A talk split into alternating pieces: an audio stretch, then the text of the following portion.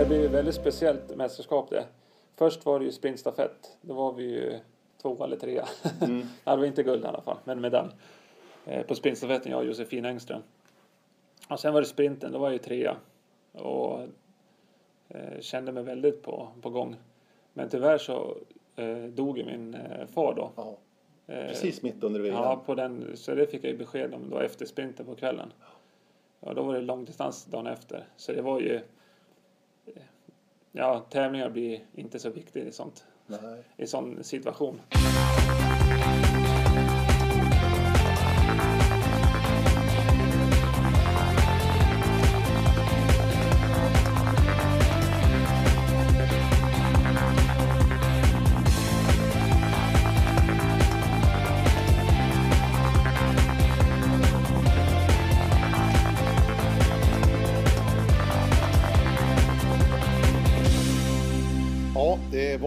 Speciellt skidorienterings-VM det där för Erik Rost.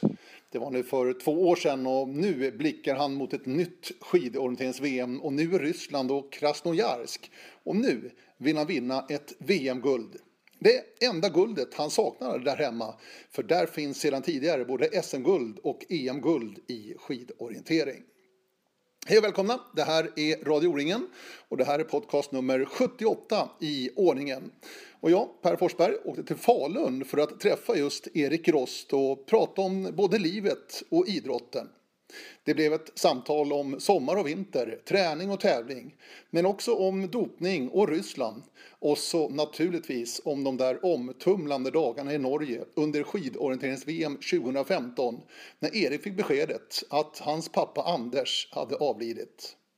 Pappa Anders som stod Erik nära och var hans största supporter och stöd.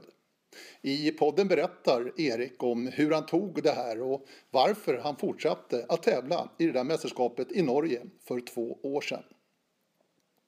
Men det blir också sköna minnen från sommaren och O-ringen i Hälsingland 2011 när Erik Rost tog en av sina största segrar i karriären. Han är ju även svensk mästare i orientering tre gånger samt både VM och EM-löpare på sommaren multikarriär kan man lugnt säga om Erik Rost från Alfta, men som numera räknar Falun som sin hemmaplan. Ja, men Falun det är hemma. Jag har bott här i ja, fem år i, i vår. Så det är, ja, men det är hemma, det är det.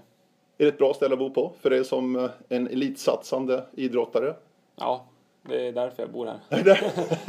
ja, det är där, ja, det är så jag flyttade hit. Eh, jag är uppväxt i Alfta så det, så det är väl också hemma på ett sätt. Även om eh, eh mamma inte bor kvar där längre så, så finns väl det alltid kvar som hemma. Men sen så bodde jag i Mora under gymnasietiden och sen i Bålänge några år. Och det blir nästan samma. Falun-Borlänge är ju samma region i alla fall och vi tränar ju i, i träningsgruppen här med högskolan. Eh, sen var jag iväg till Skinsberg i ett par år. Men sen så var min inriktning att jag skulle flytta till Falun och och kunna träna med, med DSA här. Så jag, det var så jag gjorde och så letade jag upp ett jobb här. Så att jag skulle, så det, ja men Falun det, det är väldigt bra. LRF Konsult, där jobbar du som eh, skogsmästare, skogmästare? Vad säger Skog, Skogsmästare. Skogsmästare? Ja, ja. Vad innebär det Erik? Ja, titeln här på jobbet är skogsekonom. Eh, så det är ja, mycket kring ekonomin för den enskilde skogsägaren. Eh, även värderingar, fastighetsmäkleri har vi också. Eh, så det, det är de bitarna. Så det är väldigt brett, men mycket kring fastigheten och ekonomin med den. Är det, är det ett kontorsjobb eller är du ute också så att säga på fältet? Nej, kontorsjobb skulle jag säga. Men sen kanske under barmarken är ute en dag i veckan. Var en, var en given väg det här rent yrkesmässigt för dig Erik? Liksom att jobba mot skogen och de här bitarna eller? Ja, man kan ju tro det. Pappa var ju skogsmästare också mm. och sådär. Men eh, efter gymnasiet när jag flyttade till Borlänge, då började jag läsa ingenjör. Gjorde jag. Eh, och läste, ja, jag har nog 90 poäng på ingenjörsutbildningen. Men eh, efter ett och ett halvt år, det var ju lite längre som jag inte läste full fart, då kände jag att det här är inte riktigt min grej. Så då, då jobbade jag lite ett halvår istället och tränade. Och då kände jag att jag har ju intresse för, för skogen och då ja, föll, då sökte jag till, eh, till Skinsberg då. Och det är ingenting du ångrar? Nej, det är det inte. Nej, Nej, jag trivs jättebra. Ja, roligt. Här ska vi prata skidorientering, vi ska prata orientering, vi ska prata O-ringen och lite annat också tänkte jag Erik. Eh, du är ju rankad just nu som världens bästa skidorienterare. Du vann ju världscupen förra säsongen i skidorientering. Det var inget VM-år, utan VM är ju varannat år, precis som på fotsidan. VM står för dörren nu. Jag tänkte vi skulle börja den änden faktiskt och titta framåt lite grann. För att det är nästan det enda du saknar i din fantastiska meritsamling, så är det ett VM-guld. Ja, det är Hur det. mycket saknar du det? Ja, det är klart att jag har siktat på att ta VM-guld. Det, jag ljuger om jag inte säger det. Eh, Så det är, det är det stora målet i år. är det det du har liksom byggt här säsongen mot? Det är mot Krasnojarsk, det är VM i skidorientering. Ja, det är det. För att vi har precis avslutat ett EM i Imatra i Finland. Mm. Eh, kom hem häromdagen bara. Jajamän. Och det ser du som en liten, för, Ja, det en var- liten upptrappning inför VM eller? Ja, det är, i planen är det liksom ett, ett steg, ett avstamp mot VM. Eh, och jag kände väl, om jag ska vara helt ärlig, att jag inte riktigt eh, fick den sista gnistan. Utan att det är mera målet längre fram som, eh, som hägrar. Så är det, men det... eh, Även om jag åkte, körde så bra jag kunde på, på EM så, så tror jag det finns lite till att, Mm. att plocka ut. Du har varit med länge i skidorienteringen. Så sen du blev senior har du varit med i landslaget i princip. Ja, 10-11 år sedan. Ja, måste. Ja, det, ja sen 2006 säsongen. Ja, precis. Ja, 10 år sedan drygt. Ja, precis. Hur har utvecklingen varit i skidorientering på den här elitnivån under de här 10 åren, Erik? Finns det några tydliga skillnader från 2006 och 2017 som vi är nu? Ja, jätte, rent konkreta. Det är väl, eh, om man ska ta en parallell till, till sommaren och orienteringen där. Eh, då kom ju teori och, och, och då blev det ju en helt ny nivå på det orienteringstekniska.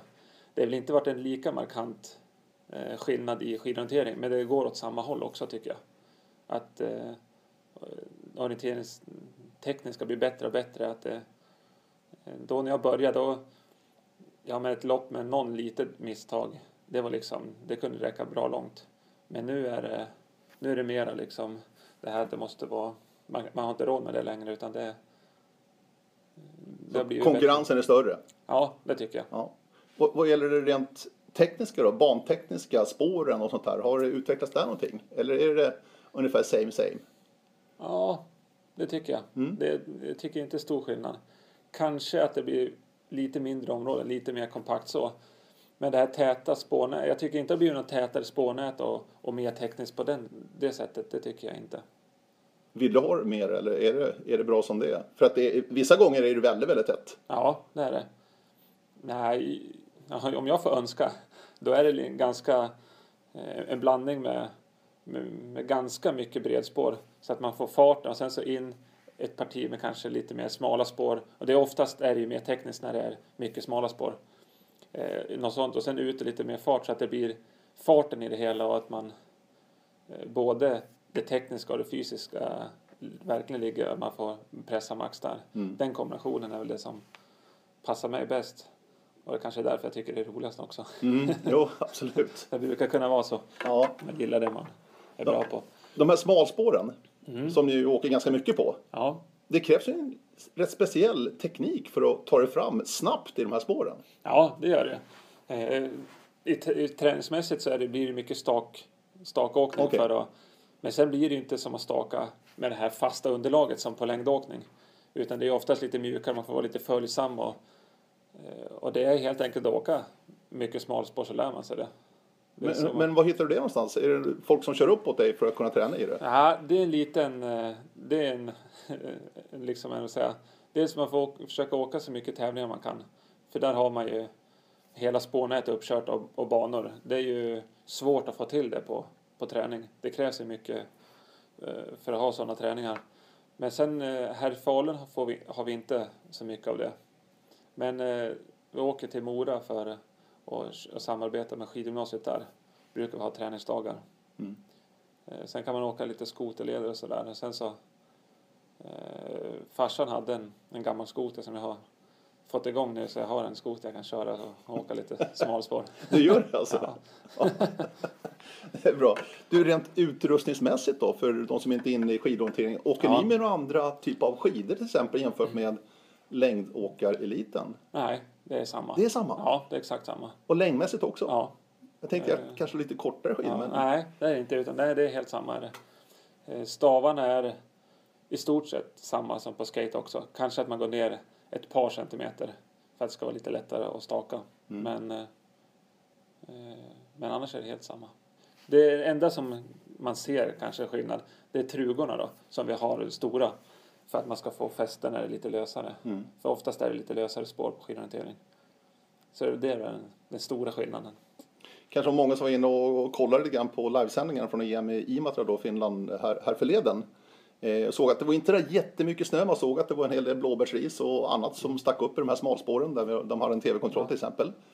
Slitage på skidor och sånt där i belagen och annat. Ja, Det måste vara ganska mycket större än för en Ja, längdåkare. det är det. Och speciellt som det var i Imatra, där fick man ju... Ja, jag tror jag nog eh, de skidorna åks nog inte något mer på. Du tror inte det? Nej, jag tror inte det.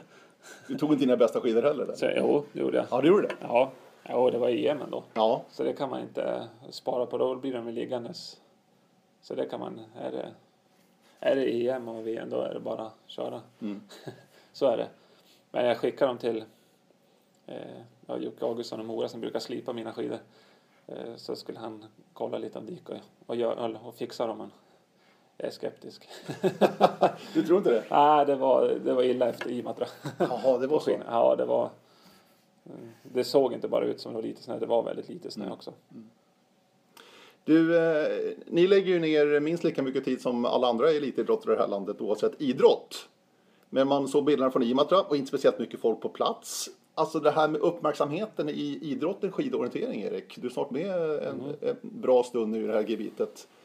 Vad kan du känna? Känner du någon avundsjuka mot andra idrotter där det liksom är tusentals människor på plats och tittar och den uppmärksamheten som inte alls ni får?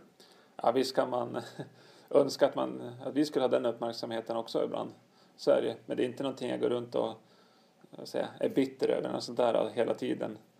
Eh, är avundsjuk så. Men ibland så självklart så skulle man önska att, att man hade att det var flera tusen på, på läktare och bra tryck sådär. Men för det gör ju allting ekonomiskt runt idrotten och allting blir ju bättre ju större intresse det är. Det är självklart. Eh, Men ja, det är som det är. Mm. Men Det- vad tror du då framtidsmässigt för, för idrotten? För att det är inte speciellt många som håller på. Nej, Så är det ju. ja, ja, nej, så är det. Nej, där finns en stor utmaning. Eh, och det är för få tävlingar nu. Man måste ha tävlingar för att Få in nya. ner- Ja. Och, och det har jag lite idé men det är alltid det krävs ju alltid pengar såklart till sådana och kunna arrangera snö också såklart. Och det har ju varit, speciellt den här vintern, har varit jättedåligt snömässigt. Så det är, inte, det är en stor utmaning, det är det. Och det, alltså det kräver mycket också för att arrangera en tävling. Ja, fast det är, det, det är den biten, att man försöker sänka den tröskeln lite och, och att Mm, ofta när man kollar, ja men som på ett EM nu, det är ju de arrangemangen som har mest spår och, och, och lagt ner mest arbete före. Och då är det lätt kanske att arrangörer blir lite eh, vad säger, rädda för att arrangera, att de, att de måste ha den nivån. Man, be, man kan göra lite enklare arrangemang också och det är där jag tror nyckeln är att man flera enkla arrangemang ut i, i distrikten så att man eh, så att det blir arrangemang. Ska man hitta ställen där också där, där det finns en skidstorm kanske, där det finns spår redan från ba- ja, i basen precis, också. Precis. Per automatik liksom. Ja, ja. Det, det tror jag. Och det blir, brukar bli bättre också, tycker jag. Mm. Men alltså eh, om man ser rent krast på det Erik. Vintrarna blir ju inte bättre och bättre utan det är ju snarare tvärtom att de blir bara sämre och sämre för varje år som går nu. Mm. Och det är ju liksom ingen ljus framtid då för skidorienteringen liksom om man måste upp man kanske måste flytta upp liksom norr om Dalälven Ja. för att ha en chans överhuvudtaget att se ja. snö under vintrarna. Nej, nej, det är ju... Och det har ju skidsporten också en, en tuff utmaning. Och det är ju... eh, Ja, ja, då kommer vi in på hela det här med klimathotet och allting. Och det är ju... Jag kan tycka att det känns lite stressande ibland. Ja, ja, men jag tycker jättesynd om det när det blir sämre vinter. Det, det syns ju så. Man tänker ju mer på en sån här vinter när det är jättedåligt. Eh, Då tänker man ju mer på det här att det, det går hela tiden mot sämre och sämre vintrar också. Och det är ju, ja, jag tycker det är hemskt. Jag var för ett par veckor sedan i, i Bollnäs på ett möte. Mm. Eh, och bodde i Alfta faktiskt, hemma hos Lasse Engström. Ja, Och han sa det att han har aldrig varit med om en sämre vinter än den här. Det var inte en snögnutta nästan Ja. i Alfta. Dina hemtrakter. ja, ja precis.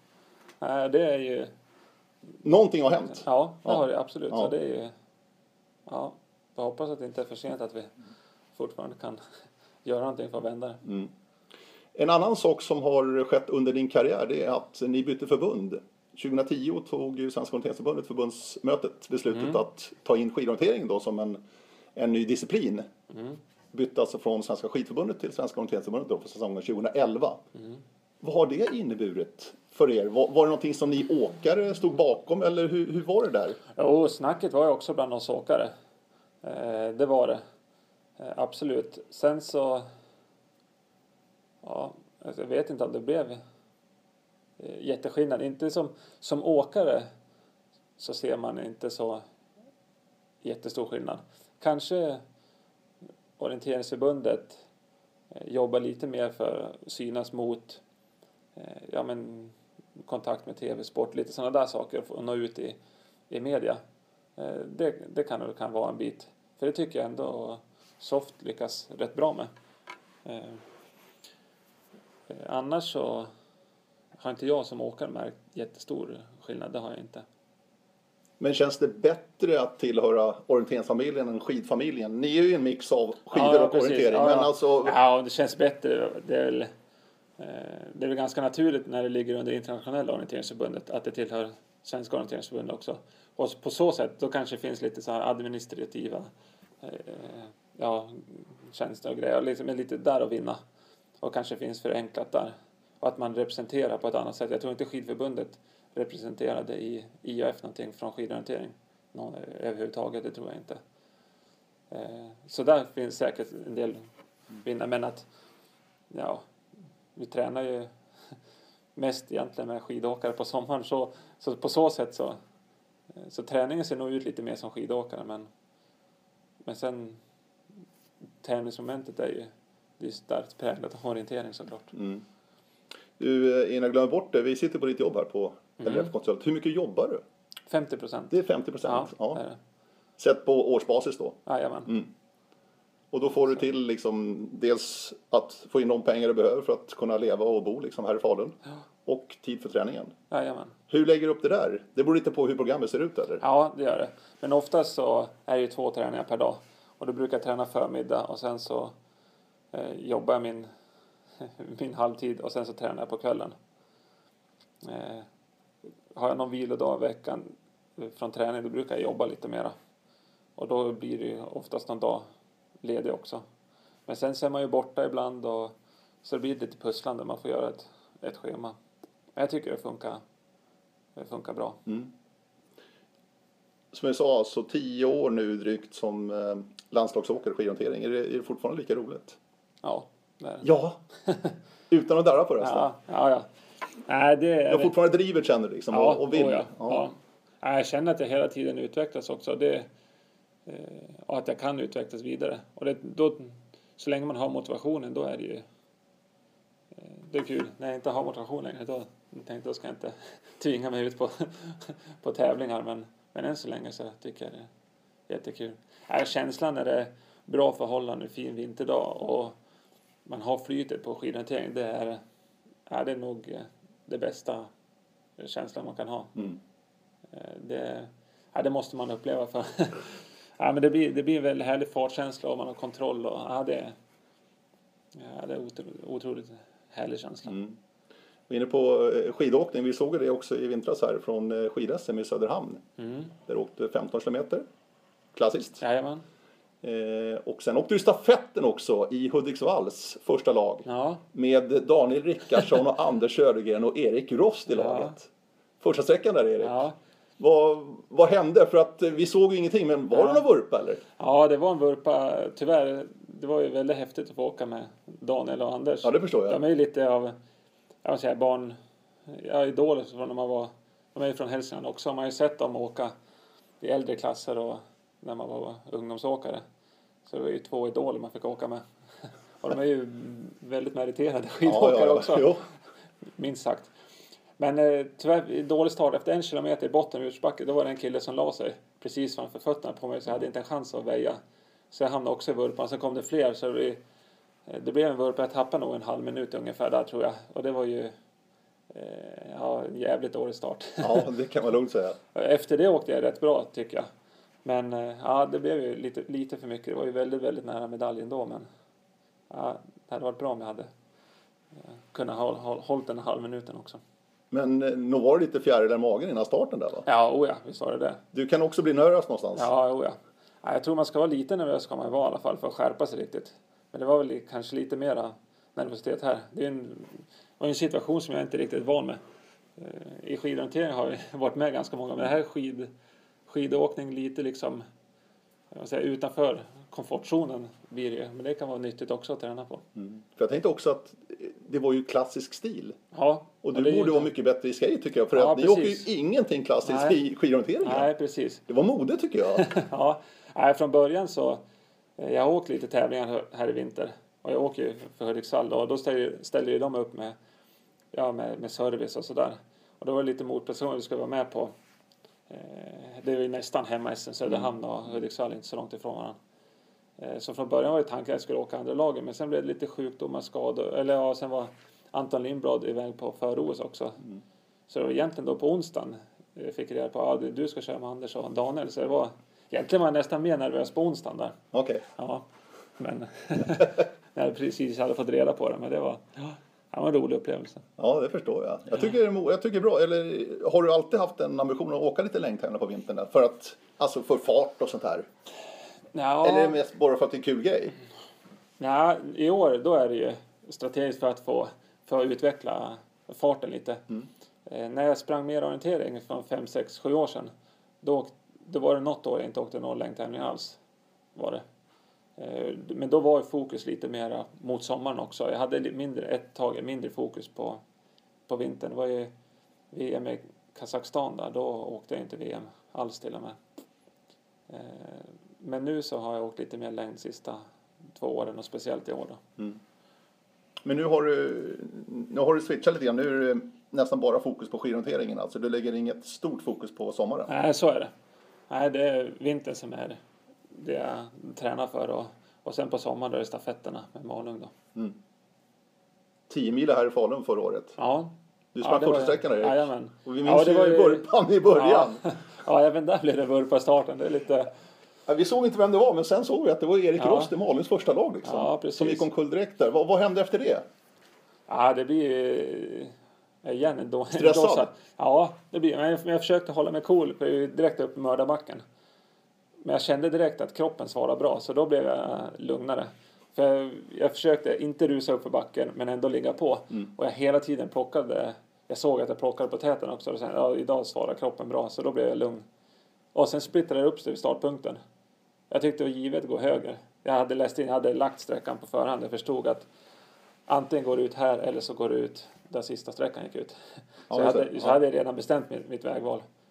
Och så försvinner alla åt vänster och jag viker höger. Och då är det tre, fyra löpare framför mig bara. Så jag blev väldigt förvånad faktiskt att inte fler gick på höger. Mm. Men sen sprang vi på där på högvarianten. Eh, ja, in till första kontrollen. Helt tyst i skogen. Det var tre stycken som stämplade. Och ni var först där? Ja. Och sen kom vi ut på ett hygge och tittade bakom. Då kommer de en 20-30 sekunder bakom. Så det var, ja, det var en häftig Ja, känsla. det förstår jag. och från den starten också så var det ju ännu mer speciellt. Ja. Ja, imponerande faktiskt. Men du, alltså, att inte fler tog höger, högerrundan för att det var en väldigt lång eh, vägsträcka där. Ja, det var det. Men antingen så såg de det inte eller så Nej. bedömde de att det var tyckte att terrängen kanske skulle vara så snabb att springa i Ja. ändå rakt på. Jag vet inte. Och så blir det här också att springer en Ja, där så är det är lätt att hänga med. Börjar de i början vika vänster då Ja. är det ju lätt att man hänger på där. Mm. Så det kanske var bra för mig att jag var långt ner. Hade jag varit tidigt där och vikt höger då kanske jag hade fått med mig många. Ja, det är sant. Nu, det fick de andra kämpa ikapp lite sen senare Mm. och bränna energi. Du har ju också en väldigt framgångsrik karriär som fotorienterare, Erik. Du har sprungit både VM, EM, du är svensk mästare. Ja, Det är fantastiskt imponerande. ja tackar. ja, men det har... Det gick ju bra. Det var ju... Eh, jag säger från 20, ja, 2010 och där plus minus något år eh, som jag pikade i orientering. Och det var liksom, det var också ett resultat av att du verkligen fokuserade och gav den en chans. Ja, jag, jag hade något år där då gled fokus helt över på orientering. Jag åkte skidorientering på vintern. Men något år var det egentligen... Eh, ja, jag hade helt fokus träning mot, mot sommaren. Eh, och det gav resultat. Du jagade en VM-plats några år där och till slut så kom du ner till Ja. Schweiz. Ja. Lausanne 2012. Men du vann eller VM men du vann SM-guld i medeldistans uppe i Umeå 2010. Ja, Och sen är det i Trollhättetrakten där 2011. jajamän. Så två raka medel-SM-guld. Ja. Men eh, då, då var det ingen VM då, 10 och 11, Trondheim och Frankrike för Nej, dig. det blev det inte. Men det var ganska nära. Ja, jag var väl andra reserv till Trondheim och första reserv tror jag till Ja. Frankrike. Ja. Så det var ju väldigt nära. Det var det. Men sen 12 då, när du kom till Schweiz och VM. Mm. Skulle springa långdistansen. Jajamän. Mm. Vad hade du för känslor i kroppen när du åkte ner? Ja, det är såklart eh, eh, väldigt kul och eh, jag måste säga det så, jag menar, representera Sverige det, det är liksom det är lite extra tycker jag i alla fall. Och, och ett VM är ju det man när man är på den nivån då är det ju VM som, eh, som är huvudmålet. Eh, Men eh, tyvärr så blev eh, loppet där var inget vidare och resultatet blev, var dåligt. Det var det, så det, ja, jag presterade inte det. Det loppet gjorde jag inte. 28 blev du på långdistansen, har jag noterat här. Ja, Eh, det vet du kanske, eh, jag hade ju Olof Lundarnäs som gäst också på podden här. Han hävdar ju att det är hans bästa lopp i karriären. Ja. Guldloppet i Schweiz 2012. ja, det tror jag också. ja, men det var imponerande. Han, Ja. eh, Lundarnäs ses ju ändå som en bäst i nordisk terräng och han är väl kanske bäst i nordisk terräng. Men ändå lyckas han spöa, eh, ja, speciellt schweizarna då, i deras eh, hemmaterräng. Det, det tror jag han, han ser det nog som sitt bästa också. Han njuter lite extra av att han spöar Schweiz, schweizarna i Schweiz.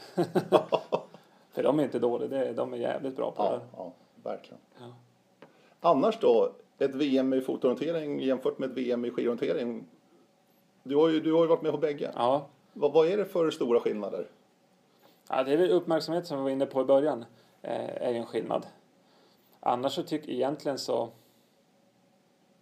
själva loppet och det man ska göra, det är ingen skillnad egentligen från om man springer. Det är, ju- det är runt omkring ja, ska man ju kunna skala bort och fokusera på sin sak. Så egentligen ett, till exempel ett VM-test som kan vara bara att man är en 10-15 stycken som det har ju varit vissa gånger. Om man startar mitt ute i skogen, springer sin bana, kommer mål eh, där det ja, knappt är snitslat upplopp liksom. Det står några klubbledare. Eh, det kan ju vara minst utmanande själva orienteringsloppet. Men sen är det ju det som är runt omkring som är den, den stora skillnaden och uppmärksamheten. Eh, det där året sprang du också EM, Mm. 2012. Jajamän. Här i Falun och uppe i eh, Moratrakten. Ja. Medeldistans sprang du då, Ja. och sprint. Jajamän. Mm. Eh, medeldistansen uppe i eh, Skattungbyn. Stenigt, tycker Ja. jag. Ja, men det var det. Alltså knöligt i botten. Jo, jo, det är jäv... vi sprang i DM där i år. Ja, just det. eh, ja, det var ju ännu stenigare vad jag minns det. Det det är väldigt knöligt i backen. Ja, vissa partier. Sen finns det partier som är fina också, Mm. men vissa partier är eh, grymt knöliga.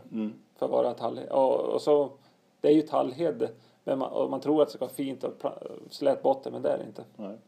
Men hur var det där då, att få ett mästerskap liksom hemma utanför dörren? Mm. Ja, jag bodde ju i, i Skinsberg då. Ja. gjorde jag. Men eftersom jag både bott i Mora och Falun, eller Borlänge före det, så såklart det kändes som hemmaplan. Och det får man ta med det positiva att man har erfarenhet av terrängtyp och sånt där. Kan du känna att det, det, det är mer press på er som hemmanation då, hemmalöpare, när man springer ett mästerskap på hemmaplan? Ja, det kanske är lite mer förväntningar från dem runt omkring, men jag kände inte att det var någon mer, någon mer press. Det gjorde jag inte. Utan det är oftast är det, tycker jag att det är det man, det, det liksom den press man sätter på sig själv är det. Eh, Sen tror jag jag är ganska bra på att skala bort det som är runt omkring men det kan ju hända att man sätter väldigt hög press på sig själv också när det är hemmaplan. Man tycker att det här terrängen kan jag, här ska jag prestera bra, det här är min chans. Det är lätt att man sätter väldigt hög press på sig själv också. Mm. Men eh, ja, EMet, ja, det, det är jag nöjd med. Det gick, eh, det gick bra. 11 på medel, 13 på sprint och så blev ni sexa stafetten du tillsammans då med eh, Johan Runesson och Gustav Bergman. Mm. Blev sexa där i stafetten. Ja. Men du fick ju vara med om, vi pratade om tidigare Erik, att kanske inramningen inte sådär jättebra alla gånger, men då var det en fantastisk inramning. Framförallt sprinten och stafetten här uppe i eh, underbacken av eh, hoppbackarna Ja, här ja. i Falun. Ja, absolut. Vad, vad kommer du ihåg då? För att det var ju helt magiskt måste jag säga. Ja, första sträckan i stafetten kommer jag ihåg. Jag sprang där i första, Ja. första laget och sen eh, jag gjorde bra lopp och så kom vi in mot, det var en varvning alldeles på slutet, eller varvning ska jag säga, en publikkontroll alldeles på slutet. Eh, längst upp i hoppbackarna. När man kom in där eh, och som svensk löpare då, då hörde man verkligen publikens vrål och, och det var det är en ovan känsla som orienterare om man säger så. Ja. Och det var, det var häftigt. Vi borde få det lite oftare kanske. Ja, Sån inramning. Ja, Ja, men det var fantastiskt ja. måste jag säga. Den där... ja O-ringen-sprinten brukar ju vara lite lika. Då är det mycket folk och Mm. Ja, det ja, jag tycker det är kul när det är mycket, Mm. mycket folk så. Eh, vi måste ju komma till det nu, O-ringen. Du har sprungit många gånger O-ringen. Ja, Kommer du ihåg ditt första förresten? ja, det är, Ja, var var det någonstans? i Värmland var det. Jag var 11, 96. 96 ja, just det. Mm. Vad minns du av det då? Ja, vad minns jag? Jag minns priset. Det var någon sån här hårdbröd, färdigbredda hårdbrödmackor fick man. ja, det var väl ingen höjdare tycker jag. Vad kom du då? Kommer du ihåg det? ja, 15, 16, 17 just någonstans tror jag. Ja. Vi sprang emot en som var ett år äldre då. Och H12. Mm. Du. Mm. Och sen då har det blivit O-ringen Ja, sen där man näst- vill vara med på liksom? Ja, sen har det blivit nästan varje år har det varit. Mm. Eh, Något år jag miss, när jag var ja, JVM när jag var 20. Då krockade det lite. Så då hoppade jag över. Jag sprang, ja, jag hoppade över första etappen, sen sprang jag väl etapp två, tre, fyra, sen så Mm. omstart på femte. Mm. Eh, Sen har det blivit som senior nu på slutet något sista åren. Men jag har haft ett problem med fot också, Mm. så det är mycket det som har gjort att jag inte har, har sprungit. Men annars har jag i stort sett sprungit varje år. Och 2011 då, i Hälsingland. Mm. Mohed var ju eh, O-ringestaden. För andra gången på sex år där faktiskt. Det var ju 2006 också, Ja. samma ställe faktiskt. Men det var ju en fantastisk slutetapp i H21 Elitklassen som du lyckades vinna till slut Erik. Ja, Ta oss med på det här för att det var ju, alltså William Lind gick ut i ledningen över tre minuter före dig som gick ut som tvåa. mm. Men vad, vad hände den här dagen? För att det vart ju otroligt spännande. ja det blev det. Ja, jag, jag måste tänka tillbaka lite Mm, så jag ja. kommer ihåg. Så, lite, ja, men jag, jag kommer ihåg att jag tänkte att det, skulle, att det var att William hade ganska bra grepp. Att det måste till eh, misstag från honom för att eh, för att jag ska kunna komma ikapp Mm. och att jag måste göra ett väldigt bra lopp. Eh, så egentligen, och sen så var det väl jag hade, jag hade närmare bakåt tror jag än eh, framåt, kanske dryga minuten, en och en halv minut kanske Ja, bakåt. Pablo Oskvarok gick ut 1.20 efter dig. Och Ja, precis. Sträng gick ut samtidigt med var, där. men det var ändå lite vagt. Så jag tror jag hade, vad jag kommer ihåg i alla fall, fokus att jag skulle göra mitt lopp och, och hade jag, gjorde jag ett bra lopp så kanske jag skulle kunna få syn på Ville och gjorde jag lite sämre, ja men då skulle någon komma bakifrån och då fick jag. Så det var lite olika scenarier jag Mm. hade målat upp. Men ty- tyvärr så gör jag misstag redan i början. Och då blir jag uppfångad av de här tre som kommer bakifrån så vi blir fyra stycken. Ja, för Krato var med där också. Ja, precis. Ja. Och etapp fyra, då hade jag varit lite trött i kroppen. Jag var inte riktigt pigg eh, i löpningen. Nej, du var 12 där på Ja, den ja. medeldistansen Ja, jag då. tappade lite. Ja. Men, eh, men jag märkte direkt när de kom ikapp, det var Kratos som hade mycket av initiativet i orientering, ganska tekniskt i början. Att jag hängde med väldigt lätt. Att jag kände mig väldigt pigg i löpning. Det var som natt och dag från dagen före. Eh, Så då lät jag väl Kratov göra jobbet i det tekniska. Mm. Sen så blev det lite mer löpsträcka och då satte, det var väl Mats tror jag som höjde tempo lite. Eh, Och jag eh, hängde på ganska lätt och sen försökte jag höja tempot ytterligare på, någon, på lite uppförssträckor. För det brukar passa mig bra. Och jag tror vi splittrades upp i, i gruppen. Jag vet inte exakt vilka det var som släpps där, men det splittrades upp i alla fall. Och sen helt plötsligt när vi kommer in i svåra partier, då ser vi William framför oss. Och då, ja, jag tänker, ja, han har väl gjort något misstag, men det var ju, ja då är det ju match, då är det ju fight om segern. Ja, då. verkligen. Och William, och då, jag kom ikapp William, vi, och han kan ju springa fort. Ja, och han tryckte på väldigt hårt där, så vi fick ju lucka. Eh, Men tyvärr så blev det lite misstag på slutet. Eh, Och, och sen blev det ytterligare ett misstag. Så Mats smet om. Men det såg varken... Eller jag såg det inte i alla fall. Jag tror att William och Mats hade sett varandra lite. Mm. Men jag hittade kontrollen före William i alla fall. Och springer ett runtvägval. Och Mats har kört rakt på. Till näst sista är det? Ja, till näst sista. Ja. Och jag vet inte att Mats var före mig vid den här kontrollen. Men jag springer väl allt jag kan. Såklart. Ja, du gick ju på en, En väg, en ja. väg kan man säga. Ja, Ja, precis. en väg var det. Ja, Ja, precis. det var det. Ja. Eh, Ganska låg tallskog där inne. ja. Visst var det det? Ja, det var en ungskog. Ja, en och- ungskog, ja, precis. precis. Ja. Sänka där som vi missade lite. Ja. Mats smet förbi, förbi. Och sen springer jag runt. Så du såg inte Mats det var näst, eller Nej, sista jag visste inte att han hade stämplat före där. Jag, men när jag kom ut på vägen då såg jag ingen framför mig. Så då tänkte jag, jag är först. För jag tyckte det var självklart att gå ut på vägen. Men då var ju han inne i... Men sen så tänkte jag, ja kanske någon kan komma rakt på. Man, man är inte säker, man vet ju inte riktigt. Speciellt inte när man gör misstag. Och sen springer in mot näst sista kontrollen. Det var inte så svår var det inte men. Och jag och försöker, ja du lyssnar efter din röst om det, om det, om du säger någonting. För det borde ju vara en förvarning den sista. Och då när jag stämplar och springer därifrån, då hör jag nu har de stämplat den sista. Och, och jag tror det sa de också. För det var inte så många sekunder bakåt. Men jag hade inte sett någon där. Så jag bara sprang allt vad jag kunde mot eh, sista och tittade inte bakåt. Nej. Ja, du tittar aldrig bakåt. Nej, Det är gjorde jag stort. inte. Det är stort. Nej, Mats var bara ett par sekunder efter dig. Där. Ja, precis. Sen är han åtta sekunder efter Han dig i kom in för ett lite annat Ja, håll. Ja, det var precis. därför jag inte såg honom. Nej, så Mats Reng var ju precis bakom dig. där, Ja, Alltså. ja. Men den känslan där. Ja, men då eftersom jag hörde att det var någon ganska nära bakom så då var det bara så inte förrän sista 50 meterna kanske som jag vågade. Mm, Jag tänkte att nu är det, säkert, nu är det klart. Men det är ju, ja vinna O-ringen det är ju en, en dröm såklart som orienterare. Och hemma i Hälsingland dessutom. Ja, ja det blir, ja, det blir lite extra tycker jag. Ja. Nej, det måste vara stort. Det är inte sådär jättemånga som har vunnit herrligklassen på O-ringen. Liksom. Det, det är en bra merit. Ja, det är det. Jaha. Ja, Under absolut. bältet. Ja, absolut. Ja, jättekul. Det var en fantastisk upplösning och William blev ju trea sen till slut. 1.38 Ja, efter dig. Han hittade ju kontrollen lite senare än vad jag Ja. gjorde där vid, Ja. vid tredje sista. Så. Mm. Men Wille fick revanschen i Borås. Ja, och lite av hans eh, hemmaterräng. Ja, det var det verkligen. Ja, verkligen. Nej, det var fantastiskt. O-ringen 2011. Tillbaka till eh, skidorienteringen. Mm. Eh, IOF har ju en eh, vision, en ambition om att bli en olympisk idrott. Har ju inte uttalat om det är fotorientering eller skidorientering. Vad har du för åsikter i det ämnet? Vad, Pratar ni någonting, liksom ni åkare, om det här att ja, Ja, visst pratas det om det ibland. Det gör det.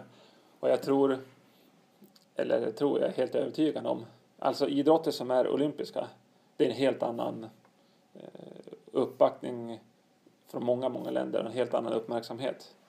Och speciellt var fjärde år så blir det, eh, så liksom blommar det ut. Och det är ju, så på så sätt, då är det ju jätteviktigt att vara olympisk idrott. Det är det. Eh, Men sen hur man ska, vägen dit kan ju vara ganska lång också. Men jag tror det är lättare på, på vintern än på sommaren. Eh, Men det är ju ja, hur snacket går, att det är lite sommaren kanske ska bantas lite eller sånt där och vintern någon gren till. Mm. Men sen vet jag inte, det kanske en väg att gå kanske gå paralympiskt med, med trailorientering. mm. Eh, kan ju vara en, en steg att få in. För jag tror det är viktigt att få in förbundet. Eh, det, det tror jag är... Hade vi haft någon gre- gren med från förbundet då är det lättare att få med fler grenar. Mm. absolut. Så jag tror inte man ska se sommar mot vinter att antingen eller utan jag tror det gynnar eh, den andra, de, eller de andra grenarna. Oavsett vilken gren som kommer med så blir det lättare kanske på sikt att komma med från andra också för att förbundet är med. Eh, Ryssland är ju en väldigt stark nation i skidorientering. Mm. Har varit under många, många år. Och för Ryssland är ju det här med olympisk idrott är ju en enorm skillnad mot att inte vara en olympisk idrott. I Sverige är det också skillnad Mm. förvisso med stöd och bidrag och annat. Men i Ryssland är det ännu större skillnad.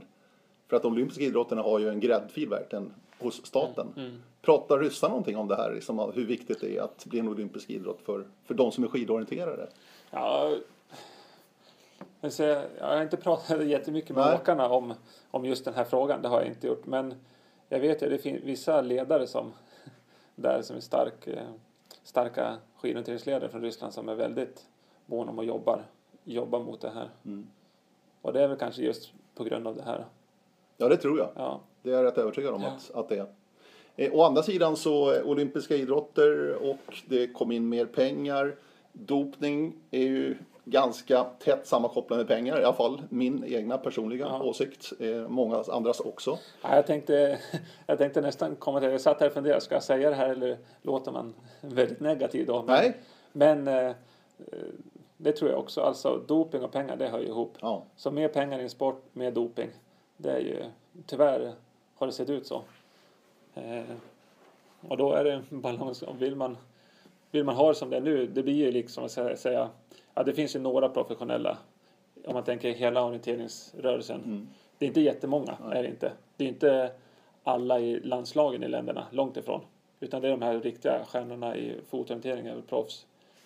Sen är väl en del, säga, vad säga, semi, men Mm. militärer och sådär i många länder.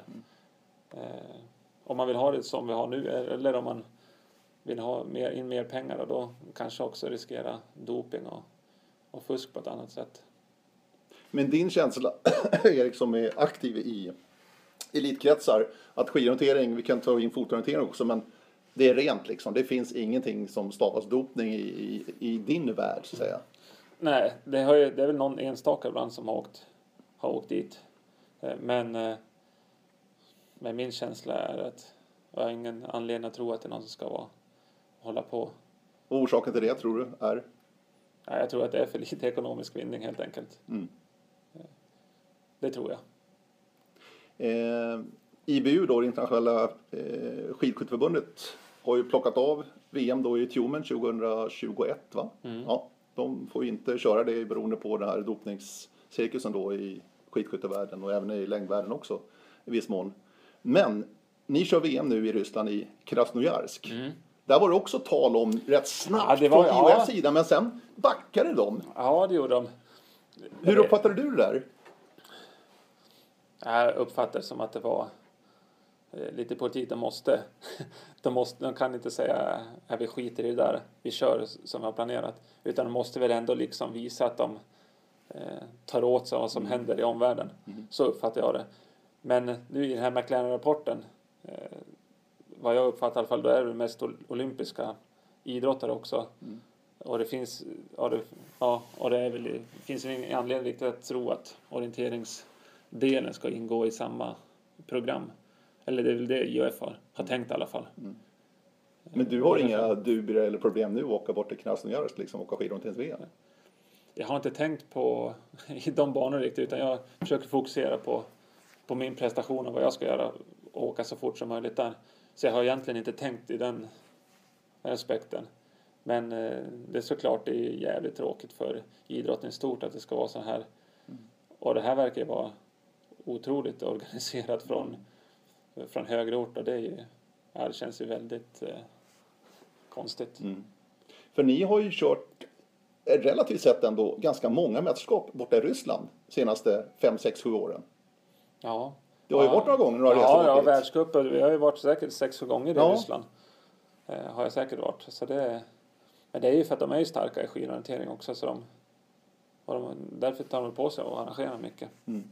För fotorienteringsmässigt så är det ingenting där borta. Nej, Alltså arrangemang. nej. Men jag tror att det är... Eller de har ju konstigt i förbundet. Det är ju, Ryssland är ju ett speciellt land.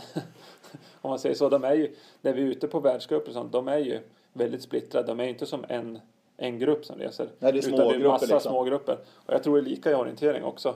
Och det är väl mer att någon av de här eh, regionerna eh, är starka. Ja, vi vill ha ett arrangemang i, i skidorientering kanske någon säger ja men det och så går det genom förbundet på något sätt och de får säkert betala lite pengar till förbundet kan jag tänka mig. Mm. För det är mycket sånt i. Men eh, Och det kanske inte finns i, orientering på samma sätt då.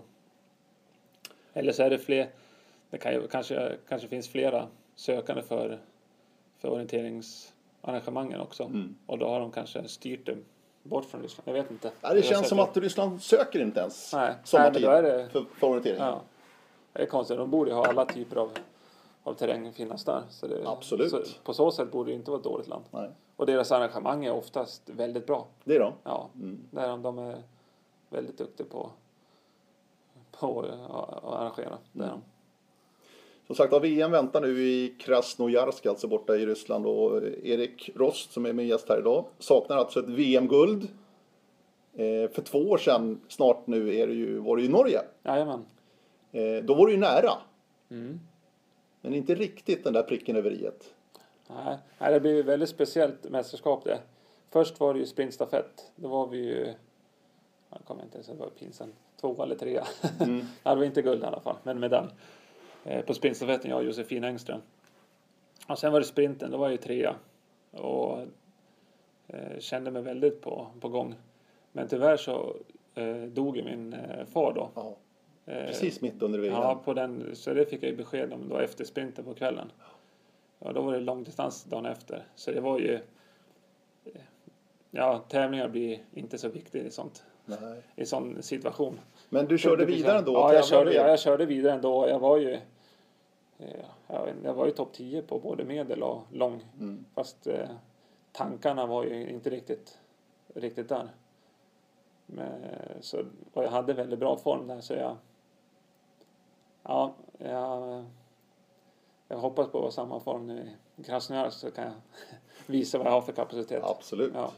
Men just att din pappa Anders då dog. eh, Vi har ju träffats under många, många år Erik, du och jag. Mm. När du tävlade så var nästan alltid din pappa med. Ja, Väldigt ofta i alla fall. ja, Han följde verkligen dig och, och brydde sig verkligen. Ja, var min känsla. ja. Var han- Jo, han var ju stor eh, supporter själv. Han var ju ja, den största supporter såklart. Det här är. Mm. Eh, så det, ja, det blir en väldigt, väldigt omställning. Och det, ja, jag tänker på honom varje dag nu Ja, också. förstår jag. Så är det ju. Mm. Men det man, ja, man lär sig leva med. med det också. Det, blir, det är ju förändring i livet. Sånt. Ja. Och det, det är ju hela tiden för, för alla. Vissa större förändringar, vissa mindre förändringar. Men det, men det, blir, det blir tufft. Blir det. Och det här då under VM i Norge då när din pappa gick bort. Det kom väldigt plötsligt. Ja. Eller det var ju liksom ingenting som... Nej, det var, ja, han- ja, det var veckan före hade jag haft lite eh, problem med hjärtat och sen så, men före det så hade det varit, han var ju, akt- ja, han tränade och åkte skidor och sådär och, eh, så det kom ju väldigt plötsligt, ja, absolut, Mm. gjorde det. Men för dig måste det ändå ha känts bättre ändå att fortsätta försöka leva på som vanligt i alla fall när du var mitt uppe i dina VM-aktiviteter Ja, i Norge. jag, så här efteråt ångrar jag inte en, en Ja, sekund att jag stannade och åkte, det gör jag inte. Eh, utan det, eh, och jag, ja, de andra, jag pratade med dem sen också såklart, åkarna, frågade om de eh, liksom led mycket av att jag var, för såklart man blir ju annorlunda, man reagerar på det där, man är inte som man brukar vara. Men eh, de tyckte att det var lugnt att jag var kvar och det kändes väldigt bra för man, Mm. man blir lite som en familj. Det är, i- eftersom vi sa ju det tidigare, det är inte lika många i, i skidorientering utan laget är mera eh, samma personer hela tiden. Det blir mer kontinuitet så. Så man kommer varandra ytterligare lite närmare, eh, tycker jag. Mm. Eh, Så det är ju, många av de som är med i laget är ju ens bästa vänner också. Mm. Så det, det kändes bra att vara med, med där. Och de, ja, många av dem kände ju pappa väl också. Han har ju varit med av alla med landslaget och sådär också. Så, jag tror det var en hel del av dem också som Mm. blev, blev påverkade. Du, eh, skidorientering det är ju sprint, det är medel, långdistans, sprintstafett och stafett. Mm. Det är fem tävlingar. Och ni åker liksom rubbet. Har, Ja, du något, har du någon fokusering på något speciellt? Eller det spelar ingen roll? Eller finns det något, Nej, något tycker- guld som är mer värt något annat i din värld? Liksom? Ja. Eller det spelar ingen roll? nej, det, skulle, det spelar ingen roll nu tycker jag. Nej. Men eh, långdistans ligger mig varmt om Ja, hjärtat. jo. så är det. Jag kan ana det. Ja, men eh, eh, det är, i skidorientering tycker jag distanserna påminner mer om varandra än i orientering. Till exempel sprinten i orientering kontra skogsdistans, det blir en ganska stor skillnad. Absolut. Eh, både liksom löptekniskt och orienteringstekniskt och så. I skidorienteringen är inte samma stora skillnad. Det blir lite, kanske oftast lite tätare spårnät, mera beslut så på kort tid. Men, eh, men i grunden är det samma, eh, samma ändå den här planbilden på, eh, på spårnätet. Så det, det är mindre skillnad på det sättet. Det tycker jag. Tänkte på det i med att det är inte första gången jag har noterat det i och för sig alltså, men ni har en och samma arena hela tiden. Ni, det blir inte ur, utåk liksom området att okej, samma idag igen Jo. fast ändå annorlunda. Förstår du ja, vad jag menar? ja, ja, jag förstår precis vad du menar. Och det tycker jag också. Ja, du tycker det? Ja. Ja, det har jag. Jag tycker en två, absolut max tre race från samma Mm. arena egentligen. Sen ska man byta tycker jag. Men eh, nu är det ofta så här. Nu har de ju ändrat så i framtiden kommer det vara fyra distanser på VM. Eh, Men varje år Mhm. kommer ju börja från 2020 Okej. har de tagit beslut om. Och då blir det ju lite färre, en färre i alla fall. Men Vilken försvinner då? då? Nej, det kommer vara varannat år. Jaha, Eh, kommer det vara. Så det är olika distanser varannat år. som fotorienteringen Ja, alltså precis. gör ett Lite mer, ja, det- och skogsår ja. liksom. Ja, Det blir lite åt det, det, hållet ja, på det är IOF. eh, Ja. Så det är ju det är samma tankegång. Ja. Så det varannat, varannat år ska det kunna vara lite mer kompakt område, sprint, lite massstart som behöver mindre område. Och sen varannat år lite mer långdistans och individuell start och sådär. Mm. Eh, Men absolut kan det bli uppåkt och det är, ja, är man bra fysisk form, ja men då kan man, då är, då är det lättare att acceptera det. Men Jaha. Eh, är det orienteringsstyrkan som är en, då är det ju, då vill man ju ha nytt och fräscht hela tiden. Mm. Och det är ju, det är ju roligare också Mm. med, med nya områden. Vad väntar i Krasnojarsk? Hur mycket vet ni? Hur kan ni förbereda er? Ja, det var VM 2000 och vi har ju en del ledare, bland annat min tränare Annika Sell var ju med då, så vi får ju lite tips och råd och, eh, från, från de, de som var med då såklart. Och den, sen som David Andersson brukar säga, orienterings, träning som orienteringsträning. Är man bra, har man bra flyt i orienteringen då spelar det inte så stor roll vad det är för, för terräng eller hur det ser ut. Är det kuperat där borta eller? Ja, det finns kupering där. Ja. Så det, det kan absolut bli kuperat. Du, vilket är ditt bästa skidorienteringsminne från karriären så här långt? Du behöver inte ha vunnit utan bara upplevelse, känsla liksom. Ja, alltså det, det bästa upplevelsen eh, det var eh, dagen efter där när pappa hade dött. Ja. För då var det som alla i stort sett kom fram och eh, klappade om en och, och sådär. Ja, nu blir jag lite ja, tårögd. jag förstår det. Men Lars Moholt som vann Lången. Mm. Det var Norges tusende VM-guld. Ursäkta. Mm. Och eh, det var ju ganska uppmärksammat i Norge. Och dessutom, han har ju, det var ju hans första VM-guld och långdistans. Han har, han har tränat jävligt hårt för det vet jag. Mm. Och då grattade jag honom efter det såklart. Och sa han, det betyder väldigt lite en sån här dag, sa han. Och det tycker jag är stort.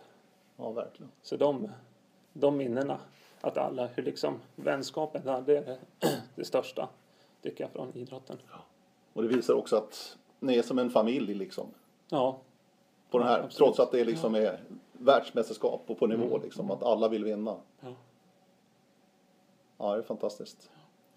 Du, eh, hur länge har du tänkt hålla på då? ja det, nej, jag har jag satt, eh, jag satt där VM som mål. Ja. Och sen får man se hur man känner efter det. Mm. Så tar några VM-guld nu så kanske det räcker sen. Ja, vi får se. Får se hur man reagerar på det, det vet jag inte. Men, men eh, så sk- skulle det kunna bli. Det skulle kunna bli att jag fortsatte, är sugen på att tävla mer och då fortsätter jag. Och som du var inne på också, du tycker om att träna, du tycker om att tävla och du gillar det här helt Ja, enkelt. precis. Och det är ju Ja. det är ändå den viktigaste drivkraften. Ja, Har du alltid gillat att träna? Ja det tror jag. Ja. Ja. jo, men det... Men man började ju inte... Ja, träna, träna när man var liten, då var det ju mycket hopp och lek egentligen. Och man, eh, sen när man började på gymnasiet, då blev det kanske lite mer strukturerat. Och det har alltid, det har alltid tyckt om. Du Erik, jag önskar verkligen lycka till borta i Krasnojarsk. och skidorienterings-VM. Mm, tack så Och mycket. se om du kan plocka någon VM-medalj. Eller någon svenska. Tove är ju fantastisk. Ja, ja hon är ju... Hon är ju helt magisk. Både på sommaren och vintern. Absolut, hon, hon bara vinner och vinner liksom. Ja. Vad har hon? Ja. Ja, jag vet inte. Ja, det har jag också tänkt på det gånger. Eh, Men ja, hon är väldigt, väldigt duktig. Ja. Ja. Verkligen. Och finns med också borta i Krasnojarsk naturligtvis. Med eh, svenska skidorienteringslandslaget. Hörrni, tack för idag. Tack Erik Rost. Tack så mycket. Hör gärna av er. Radio med eh, diverse frågor, spörsmål eller annat. Vi säger tack och hej från Falun. Hej då!